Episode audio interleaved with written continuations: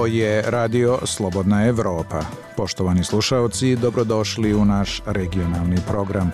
U narednih pola sata sa vama će biti Svjetlana Petrović i Dragan Štavljanin. Slede najvažnije vesti. Najmanje 36 mrtvih u sudaru dva voza u Grčkoj. Uhapšen šef železničke stanice. Ministar saobraćaja podneo ostavku. Inicijalna istraga pokazala da je došlo do ljudske greške. Predsjednik sindikata ukazuje na manjak železničara. Zaposleno samo 750 dok je potrebno 2000. Aleksandar Vučić rekao predsjednici Evropske komisije da Srbija ostaje posvećena razgovorima sa Kosovom pod pokroviteljstvom Evropske unije. Odnosi sa Srbijom mogu da se normalizuju samo uz obostrano priznanje, kazao Albin Kurti. Dan nezavisnosti Bosne i Hercegovine obeležen u memorialnom centru Potočari. Lukašenko u Pekingu izjavio da Belorusija potpuno podržava kineski predlog za Ukrajinu. Erdogan najavio izbore u Turskoj za 14. maj. Direktor FBI-a Christopher Wray rekao je da je do epidemije COVID-19 najverovatnije došlo zbog incidenta u laboratoriji koju kontroliše kineska vlada. U ovoj emisiji još možete čuti. Povodom ocene američkog izaslanika za Balkan Gabriela Escobara da je moguće mešanje Rusije u predsjedničke izbore u Crnoj Gori, analitičar digitalnog forenzičkog centra iz Podgorice Milan Jovanović kaže.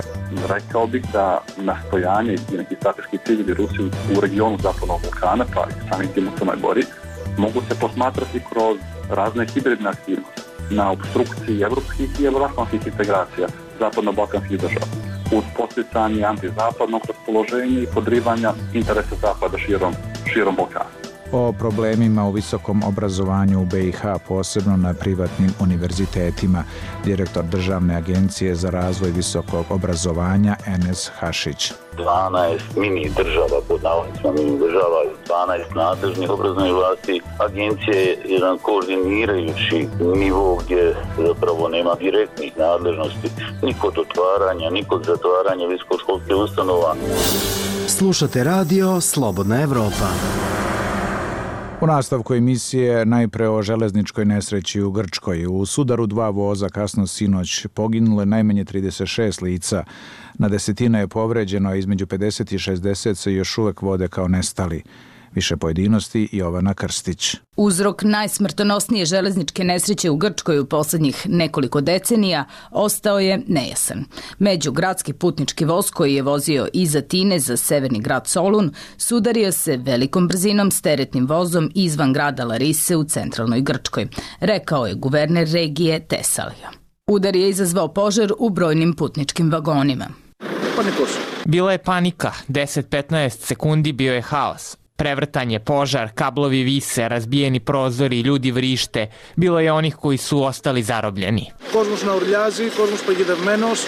Rekao je Stergios Minenis, 28-godišnji putnik koji je iskočio iz voza. Drugi putnik je ispričao kako je iskočio iz voza. Sišli smo dole, vatra je buknulo pored nas. Ovaj čovjek je video neki otvor kroz koji smo uspeli da izađemo. Regionalni guverner Tesalije Konstantinos Agorastos rekao je za Sky TV da su prva četiri vagona putničkog voza iskočila iz šina, dok su prva dva vagona koja su se zapalila gotovo potpuno uništena. On je rekao da su dva voza jurila jedan prema drugom na istom koluseku.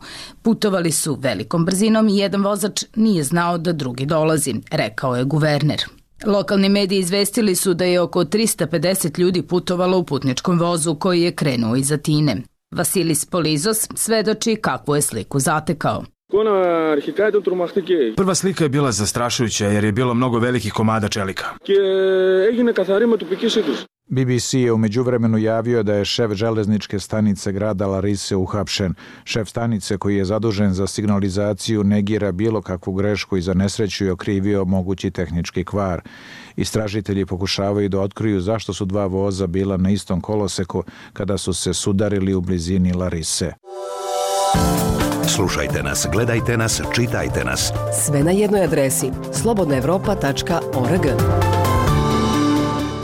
o odnosima Beograda i Prištine. Predsjednik Srbije Aleksandar Vučić rekao je predsjednici Evropske komisije Ursuli von der Leyen da Srbija ostaje privržena razgovorima sa Kosovom pod pokroviteljstvom Evropske unije i pronalaženju kompromisnog rešenja za normalizaciju odnosa uz jasno navedena ograničenja, Vučić je prethodno za RTS rekao da je Srbija spremna da radi na implementaciji mnogih stvari iz evropskog plana za normalizaciju odnosa Srbije i Kosova, ali da ne želi da razgovara o međusobnom priznanju i ulasku Kosova u Ujedinjene nacije. Vučić je telefonom razgovarao sa predsjednicom Evropske komisije o toku dijaloga Beograda i Prištine, nastavku evrointegracija Srbije i neophodnim reformama, objavljeno je na njegovom Instagram nalogu. Prema toj objavi predsjednica Europske komisije von der Leyen naglasila je da je budućnost Srbije u Europskoj uniji i pozvala na preduzimanje daljih važnih koraka na tom putu. Također je navedeno da je Vučić preneo i odlučnost Srbije da nastavi sa reformskim procesima u cilju boljeg života građana i dostizanja statusa punopravnog člana u Evropskoj uniji. Vučić je zahvalio Evropskoj komisiji na pomoći i podršci u razvoju i modernizaciji energetske i transportne infrastrukture u Srbiji a pravni stručnjaci na Kosovu različito tumače tačku 7 evropskog predloga za normalizaciju odnosa Prištine i Beograda, koja se odnosi na samoupravljanja srpske zajednice na Kosovu. Bivši sudija Ustavnog suda Kadri Krueziju ocenjuje da se reč samoupravljanje u evropskom predlogu odnosi na međuvlast ili novu definiciju zajednice opština sa srpskom većinom, dok profesor ustavnog prava Mazlum Baraliju veruje da se srpskoj zajednici daje autonomija na severu. Više pojedinosti Sandra Cvetković. U tački 7 Evropskog predloga za normalizaciju odnosa Prištine i Beograda navodi se da se strane obavezuju da će uspostaviti određene aranžmane i garancije u skladu sa relevantnim instrumentima Saveta Evrope, oslanjajući se na postojeća evropska iskustva kako bi se osigurao odgovarajući nivo samoupravljanja srpske zajednice na Kosovo i sposobnost za pružanje usluga u određenim oblastima, A u desetoj tački istog dokumenta se navodi da strane potvrđuju svoju obavezu da sprovedu sve prethodne dogovore u dijalogu koji ostaju, kako se navodi, validni i obavezujući. To bi u praksi značilo da bi trebala da bude formirana zajednica opština sa srpskom većinom koja je dogovorena 2013. godine, ali su za Kosovo sporne njene nadležnosti. Radio Slobodna Evropa se obratio vladi Kosova sa upitom da li se onda tačkom 7 srpskoj zajednici daju dodatne garancije ili se ona odnosi na ostvarivanje prava Srba u okviru zajednice opština sa srpskom većinom, ali odgovor nije stigao. Izaslanik Sjedinjenih američkih država za Zapadni Balkan Gabriela Escobar je 28. februara u virtualnom razgovoru sa novinarima ponovio da zajednica mora da bude formirana te da bi ona trebala da predstavlja nivo samoupravljanja koji se neće mešati u ustavni poredak Kosova, pravnu strukturu niti funkcionalnost. S druge strane, predsjednik Srbije Aleksandar Vučić je takođe 28. februara za javni servis Srbije rekao da na mapi puta za implementaciju evropskog predloga nema zajednice opštine sa srpskom srpskom većinom, jer je, kako je rekao, Kurti nije prihvatio. Ocenio je i da premijer Kosova neće uskoro formirati zajednicu, ali da će za mesec, dva ili šest neko morati da je formira. Bivši sudija Ustavnog suda Kosova, Kadri Krueziju, navodi da se tačka 7 u evropskom predlogu odnosi na zajednicu opština sa srpskom većinom, iako se ona eksplicitno ne pominje.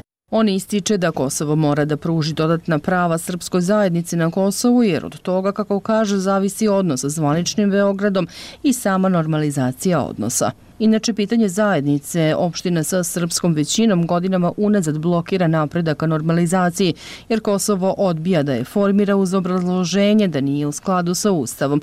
Tu je i strah od takozvane bosnizacije Kosova, odnosno da bi zajednica opština sa srpskom većinom mogla da preraste u entitet poput Republike Srpske u Bosni i Hercegovini. Umeđu vremenu je Prištini i Beogradu predstavljen plan o normalizaciji koji su, nakon višemesečne posredničke diplomatije, strane strane u načelu prihvatila. Profesor ustavnog prava Mazlum Baraljiv smatra da Kosovo nije smelo da prihvati evropski plan upravo zbog tačke 7, jer veruje da će ona srpskoj zajednici obezbediti autonomiju na severu. Za, za svakoga ko razumno zna šta znači država i čuvati ako hoće ovu državu koju su, koju su stvorili ovi Kosovari, dakle da, jer očigledno je da, da se stvara država u državi, Na severu Kosova se nalaze četiri teritorijalno povezane opštine sa srpskom većinom Severna Mitrovica, Leposavić, Zvečan i Zubin Potok. Za radio Slobodna Evropa iz Prištine Sandra Cvetković. Ovo je regionalni program radija Slobodna Evropa. Slušajte nas svaki dan u 18 i 22 sata. Bosna i Hercegovina obeležava Dan nezavisnosti. 29. februara i 1. marta 1992. održan je referendum za nezavisnost BiH na koji izašlo 64 od 100 građana od kojih je 99% glasalo za izlazak iz Socijalističke federativne republike Jugoslavije. Rezultati referenduma su tadašnjem parlamentu prihvaćeni 6. marta. Mesec dana kasnije zemlje članice Evropske zajednice priznale su Bosnu i Hercegovinu, a Sjedinjene države 7. aprila. Te godine 22. maja BiH je primljena u punopravno članstvo Ujedinjenih nacija.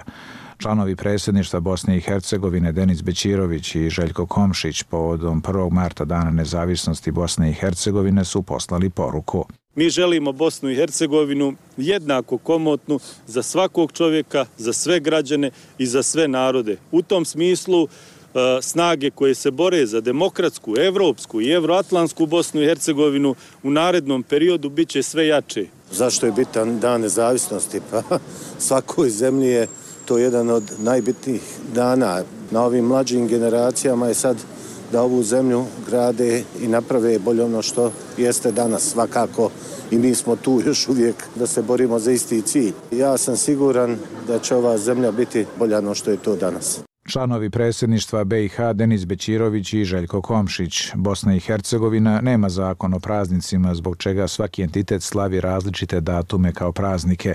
Dane zavisnosti se obeležava u Federaciji BiH, dok u Republici Srpskoj ne.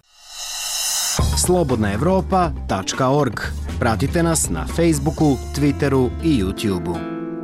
Politička scena Crne Gore. Američki zaslanik za Zapadni Balkan Gabriel Escobar ocenio je mogućim da se Rusija umeša u predizbornu kampanju za predsjedničke izbore u Crnoj Gori.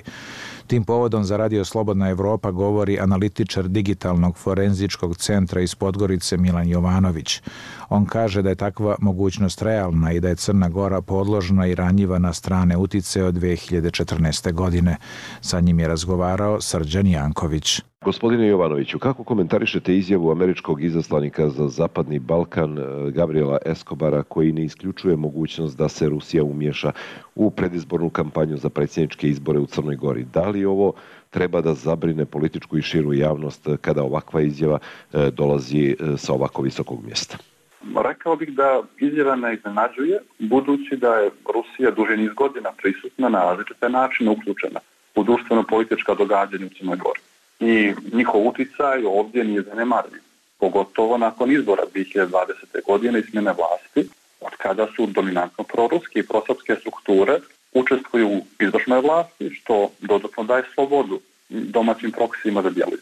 Politička kriza, podjelu u društvu i neka nerazješena pitanja prošlosti svakako da predstavljaju podno tlo za širenje i dezinformacije i propagande u cilju ostvarivanja nekih širih geopolitičkih interesa svakako da predstojeći izbori i popis stanovništva koje se onako dosta deklariša sa različitih adresa kao ključno političko pitanje, svakako da to sobom nose opasnost od uplitanja, što je praksa za početak 2014. godine. Koliko je Crna Gora podložna i ranjiva na strane uticaje tokom izbornog e, i drugih važnih procesa, kroz koje u stvari aktivnosti se najčešće sprovodi stranom miješanje u izborni proces u Crnoj Gori, šta je dosadašnja praksa pokazala? Nedostatak snažnih i demokratskih institucija jedan je od razloga zašto je Crna Gora posebno ranjiva na maligni, odnosno štetni uticaj koji dolazi iz trećih strana. Sve strukture vlasti u zadnjih 20 godina su omogućile upliv stranog malignog uticaja, budući da su institucije u Crnoj Gori u kontinuitetu opterećene raznim problemima, od korupcije, partitokratije i nepotizma. I to je 2018. godina dovelo i do stagnacije u pregovorima za članstvo u EU smjena vlasti na parlamentarnim izborima 20. godine nije donijela te neke očekivane suštinske promjene. Naprotiv, rekao bih da i onako slabe institucije su dodatno urušene i nastavljena je praksa zanemarivanja državnih interesa, a lični partijski interes Srpske pravoslavne crkve su u kontinuitetu postavljani kao prioriteti i 42. i 43. vlade. I onda upravo zbog toga takav društveno-politički ambijent u zemlji omogućio penetraciju stranog uticaja i dobio je novi zamah od početka ruske agresije na Ukrajinu. Zašto Crna Gora e, nema institucije koje bi mogle da spriječe spoljno miješanje e, u ovom konkretnom slučaju i danas e, u predsjedničke izbore i šta se do sada pokazalo, da li postoji uopšte politička volja stranaka i političke elite da se spriječi miješanje u izbore sa strane? Imamo institucije, ali njihova funkcionalnost je upitna, jer institucije čine ljudi. Upitno je da li oni obavljaju posao, odnosno da li institucije obavljaju posao za koje su konstituisani. Pitanje je takođe veliko šta se dešava sa obaveštanim sektorom, budući da se za djelovanje bežu brone kontroverze. A treba se sjetiti da je nekoliko dana nakon međunarodne akcije u suzbijanju ruskog uticaja, to je bio septembar, čini mi se prošle godine, vlada Crne Gore bez jasnog i preciznog artikulisanog obrazloženja po hitnoj proceduri na telefonskoj sjednici smijenila rukovodstvo Agencije za nacionalnu bezbjednost čime je dovedeno u pitanje posvećenost vlade borbi protiv ruskog malignog djelovanja, budući da je tu međunarodnu ovaj, akciju pohvalilo veliki broj međunarodno relevantnih adresa. Analitičar digitalnog forenzičkog centra iz Podgorice Milan Jovanović u intervju za radio Slobodna Evropa o problemima u visokom školstvu u Bosni i Hercegovini. Od nadležnih vlasti preko inspekcije do pravosuđa prebacuje se loptica odgovornosti za probleme u visokom obrazovanju u BiH, koji su eskalirali hapšenjima zbog trgovine univerzitetskim diplomama. U akciji Klaster 21. februara je uhapšeno 11 osumnjičenih za trgovinu univerzitetskim diplomama. U međuvremenu sud BiH je odbio zahtev tužilaštva da petorici osumnjičenih odredi pritvor. Više pojedinosti Marija Augustinović. U akciji Klaster uhapšeni su rektori, dekani i profesori na nekoliko privatnih univerziteta u Bosni i Hercegovini. Državno tužilaštvo tereti ih da su prodajom diploma stekli korist u iznosu od oko 300.000 eura. Enes Hašić, direktor Državne agencije za razvoj visokog obrazovanja. Imamo 12 mini država, pod navodnicima mini država, državica, 12 nadležnih obrazovnih vlasti. Agencija je jedan koordinirajući nivo gdje zapravo nema direktnih nadležnosti ni kod otvaranja, ni kod zatvaranja visokoškolske ustanova. Bez obzira ko je osnivač visokoškolske ustanove, to su javne ustanove. Nažalost, u našoj praksi se oni pretvorili u preduzeća, u mjesta za izvlačenje profita. U Bosni i Hercegovini ima 39 univerziteta koji posjeduju dozvolu za izvođenje nastave. Od toga je osam javnih, dok su ostali univerziteti u privatnom vlasništvu. Na nekontroliranu privatizaciju visokog obrazovanja godinama upozorava Lamija Tanović, penzionisana Sarajevska univerzitetska profesorica. Neki ljudi su shvatili da tu mogu da švercuju, kako se to kaže, da izdaju nekakve lažne diplome i tako dalje. I to je, nažalost, jedna od tužnih priča našeg visokog obrazovanja, koja nikada do danas od rata na ovamo nije bilo prioritet ni jedne naše vlasti, a najgori rezultat toga jeste strahovit odlazak upravo tih mladih generacija. Ljubinko Mitrović, univerzitetski profesor iz Banja Luke, smatra da istrage ne smiju izuzimati javne univerzitete. Pa privatni su nastali upravo zbog ponašanja javnih. Dakle, oni su rezultat i proizvod arogancije, nekorektnosti pa i korupcije na javnim univerzitetima. Samo licenciranje, odnosno kontrole, posle toga akreditacija koja ide tako kako ide i onda imate jedno haotično stanje. Nekako smo dopustili da nam se visokim obrazovanjem bavi svako. I dok u inspekcijama tvrde da nemaju dovoljno kapaciteta za nadzor, univerzitetski profesor Sabahaudin Hadžalić ocjenjuje. Sva dokumentacija je na univerzitetima, nije u ministarstvima. Koliko su oni ulazili, to je već drugo. Znači, sve se mora sistemski riješiti na države, ali mi nemamo ni ministarstva visokog obrazovanja ove države. Akcija Klaster nije jedina istraga u oblasti obrazovanja u BiH. Senat Univerziteta u Sarajevu provjerava validnost diplome o magistarskom studiju Sebije Izetbegović direktorice Kliničkog centra Univerziteta u Sarajevu. Istragu o njenoj diplomi pokrenulo je tužilaštvo kantona Sarajevo 2021. godine. Tužitelji su se također bavili diplomom Osmana Mehmedagića, donedavnog direktora obavještajno-sigurnosne agencije BiH, no do danas nije poznato u kojoj fazi je istraga. Za Radio Slobodna Evropa iz Sarajeva, Marija Augustinović. I dalje o problemima u visokom školstvu ovoga puta u Srbiji. Najava da će se školarina na Arhitektonskom fakultetu u Beogradu povećati za 50.000 dinara izvele studente na hodnike fakulteta. Oni već tri dana protestuju i blokiraju fakultet zbog predloga da se školarina za studente koji su na samom finansiranju poveća sa sadašnjih 240 na 290.000 dinara godišnje, zabeležila Iva Gajić. Unutrašnjost zgrada u kojoj se nalaze arhitektonski, građevinarski i elektrotehnički fakulteti oblepljena je plakatima na kojima su studenti izrazili svoje nezadovoljstvo.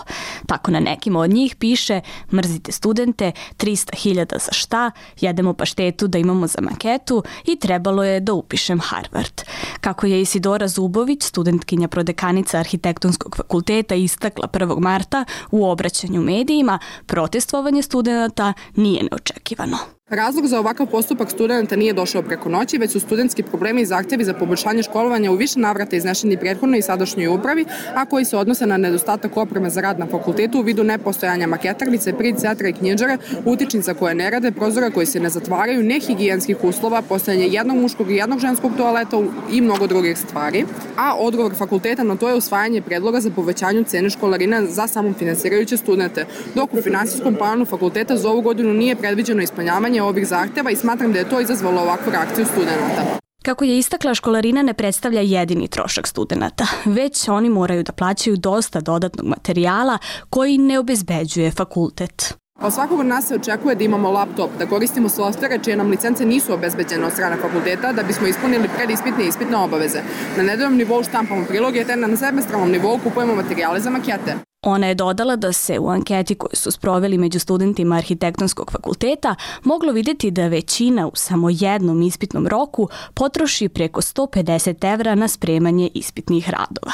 Daniela Pantić, predstavnica arhitektonskog fakulteta u Univerzitetskom parlamentu, istakla je za radio Slobodna Evropa da je i do sada bilo teško plaćati visoku školarinu. Ono što mi radimo jeste preživljavanje. E, problem je u tome što je nastava koncipirana tako da niko od nas ne može ni da radi, da bi, bilo, da bi dobio bilo kakav prihod sa strane i zbog toga je sve spalo na naše roditelje. Znači mi kao studenti uopšte, ako želimo da studiramo, nemamo tu mogućnost ukoliko naši roditelji nemaju para. Osim studenta arhitekture, protestu su se pridružili i studenti sa ostalih fakulteta. Iz Beograda za Radio Slobodna Evropa, Iva Gajić. Zanima vas što se dešava u regiji? Sve možete naći na slobodnaevropa.org. O pokušaju suzbijanja rasta cena u Hrvatskoj. Trgovci su uspeli da odlože većinu od 60 novih cena robe široke potrošnje koje su im stigle od dobavljača, rečeno iz Hrvatske privredne komore. U vladi ocenjuju da je jedini motiv za dizanje cena ekstra profit proizvođača. Dalje zamrzavanje cena nije rešenje, kažu eksperti. Iz Zagreba Eni Zebić. Nema razloga za poskupljenje robe široke potrošnje koja se najavljuju, poručuju iz Hrvatske vlade. Savjetnik ministra gospodarstva Jurica Lovrinčević. Smatramo da nema nikakvog razumnog razloga da se dižu cijene osim ako se želi ekstra profitirati, što vidimo kod određenih sad multinacionalnih kompanija da žele ekstra zaraditi na ovoj situaciji. Prema 60 novih cjenika koji su stigli trgovačkim lancima za 5 do 10% trebali bi poskupiti hrana, piće i kućne potrepštine, a sredstva za čišćenje i kozmetika poskupit će više od hrane i pića. Međutim, predsjednik udruženja trgovine pri Hrvatskoj gospodarskoj komori Ivan Katović izvijestio je da su trgovci poduzeli mjere da zaštite potrošače. U ovih dana dobivamo nove cjenike. Uspjeli smo najveći dio tih cjenika prolongirati do prvog četvrtog, ali jedan dio dobavljača je inzistirao i mislim da ćemo te dobavljače na jedan kraći rok i blokirati da nećemo od njih naručivati robu. Vlada je u rujnu donijela odluku o izravnim mjerama kontrole cijena određenih prehrambenih proizvoda, pa je ograničila cijene devet prehrambenih proizvoda, među kojima su ulje, brašno, šećer, svinjsko, pileće i miješano mljeveno meso, i to za više od 30%, kako bi očuvali kupovnu moć građana. Mjere će ostati na snazi barem do 31. ožujka. Treba li i sada vlada reagirati dodatnim zamrzavanjem cijena? Stručnjakinja za prehrambeni sektor Zvijezdana Blažić u izjavi za naš program tome se protivi. Ovo sada da najavi Nestle ili ne znam ko povećanje cijena ništa ne može država, niti treba. A da li ćemo mi kao potrošači kupovati proizvode Nestlea ili ćemo se opredijeliti za Podravku ili za Frank ili ne znam za ko, mislim da je to uh, rješenje, ali to ne može država reći i ne smije. Ona podsjeća da svi proizvođači dobro znaju troškovni aspekt svog poslovanja i što se dešava na tržištu. I znaju kolika je mogućnost da time izgube određenu prodaju ili da određeni potrošači više neće biti u mogućnosti kupovati njihove proizvode. To su sve rizici poslovanja. Svugdje postaje mogućnosti kupnje drugih proizvoda. Svi imaju konkurenciju, samo svima i rastu ulazni troškovi. Neki mediji upozoravaju da je Hrvatska peta među zemljama sa najvećim rastom cijena u Europskoj uniji. Kako navode cijene hrane i pića na policama trgovina su u prosincu prošle godine u odnosu na prosinac 2021. u Hrvatskoj porasle 19,7%, a podaci Europske asocijacije prehambene industrije i Eurostata pokazuju da su proizvođačke cijene rasle 16%. Za radio Slobodna Europa iz Zagreba, Enis Zebić. Dnevno et RSE. Pregled regionalnih i svetskih događaja dana. Nova procena Američkog ministarstva energetike koja povezuje kineske laboratorije sa pandemijom COVID-19 obnovila je pitanja o poreklu koronavirusa, od kog je umrlo skoro 7 miliona ljudi širom sveta, pišu svetski mediji. Bela kuća je saopštila da unutar administracije Joea Bidena nema konsenzusa o poreklu virusa COVID-19, dan pošto je objavljena procena Američkog ministarstva energetike, piše Wall Street Journal – Ministarstvo energetike je donelo svoju procenu na osnovu novih obaveštenih podataka, mada sa niskim stepenom pouzdanosti, navodi Wall Street Journal, dodajući da četiri druge američke obaveštajne agencije i dalje veruju da je pandemija verovatno rezultat prirodnog prenosa sa zaražene životinje, dok su dve agencije neodlučne. Kineska vlada odbacila je novu procenu američke agencije, ukazujući na istraživački tim Svetske zdravstvene organizacije koji je posetio Kinu početkom 2021. i zaključio da je malo verovatno da je COVID-19 procurio iz laboratorije. Naučnici i američke obaveštajne agencije marljivo su pokušavali da odgovore na pitanja o poreklu virusa, dok je Kina pogoršala taj problem otežavajući prikupljanje dokaza, piše New York Times. Naučnici koji su proučavali genetiku virusa i obrazce po kojima se širi, Kažu da je najverovatniji uzrok to što je virus prešao sa živih sisara na ljude na pijaci morske hrane u Wuhanu, kineskom gradu u kom su se pojavili prvi slučajevi COVID-19 krajem 2019. Drugi naučnici pa kažu da postoje dokazi, iako posredni, da je virus došao iz laboratorije, verovatno iz Instituta za virusologiju u Wuhanu, koji je istraživao koronaviruse. Teorija da je COVID-19 krenuo incidentom u laboratoriji u Kini dobila je skroman podsticaj u najnovijoj proceni obaveštenih službi Sjedinjenih američkih država. Nakon rada malo poznatog naučnog tima koji isprovodi neke od najtajnovitih i tehnički najzahtevnijih istraga federalne vlade o novim bezbednostnim pretnjama, piše Washington Post. Američki zvaničnici potvrdili su da je ažurirana procena porekla virusa koji izaziva COVID-19 završena ove godine i rekli da je dokument zasnovan na svežim podacima kao i na novoj analizi stručnjaka iz osam obaveštajnih agencija i Nacionalnog obaveštajnog odbora. Iako ni jedna druga agencija nije promenila svoj stav o poreklu virusa koji izaziva COVID-19, analiza Ministarstva energetike prema oceni Washington Posta ima svoju težinu. Ministarstvo energetike je promenilo stav o mogućem uzroku izbijanja koronavirusa nakon analize stručnjaka iz Američkog nacionalnog laboratorijskog kompleksa, uključujući članove tima poznatog kao Z odeljenje.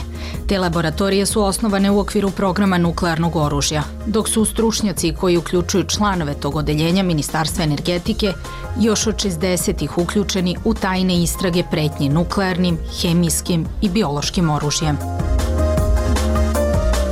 Pregled regionalnih i svetskih događaja dana potražite na dnevnoet.rse. Slobodna Evropa.org.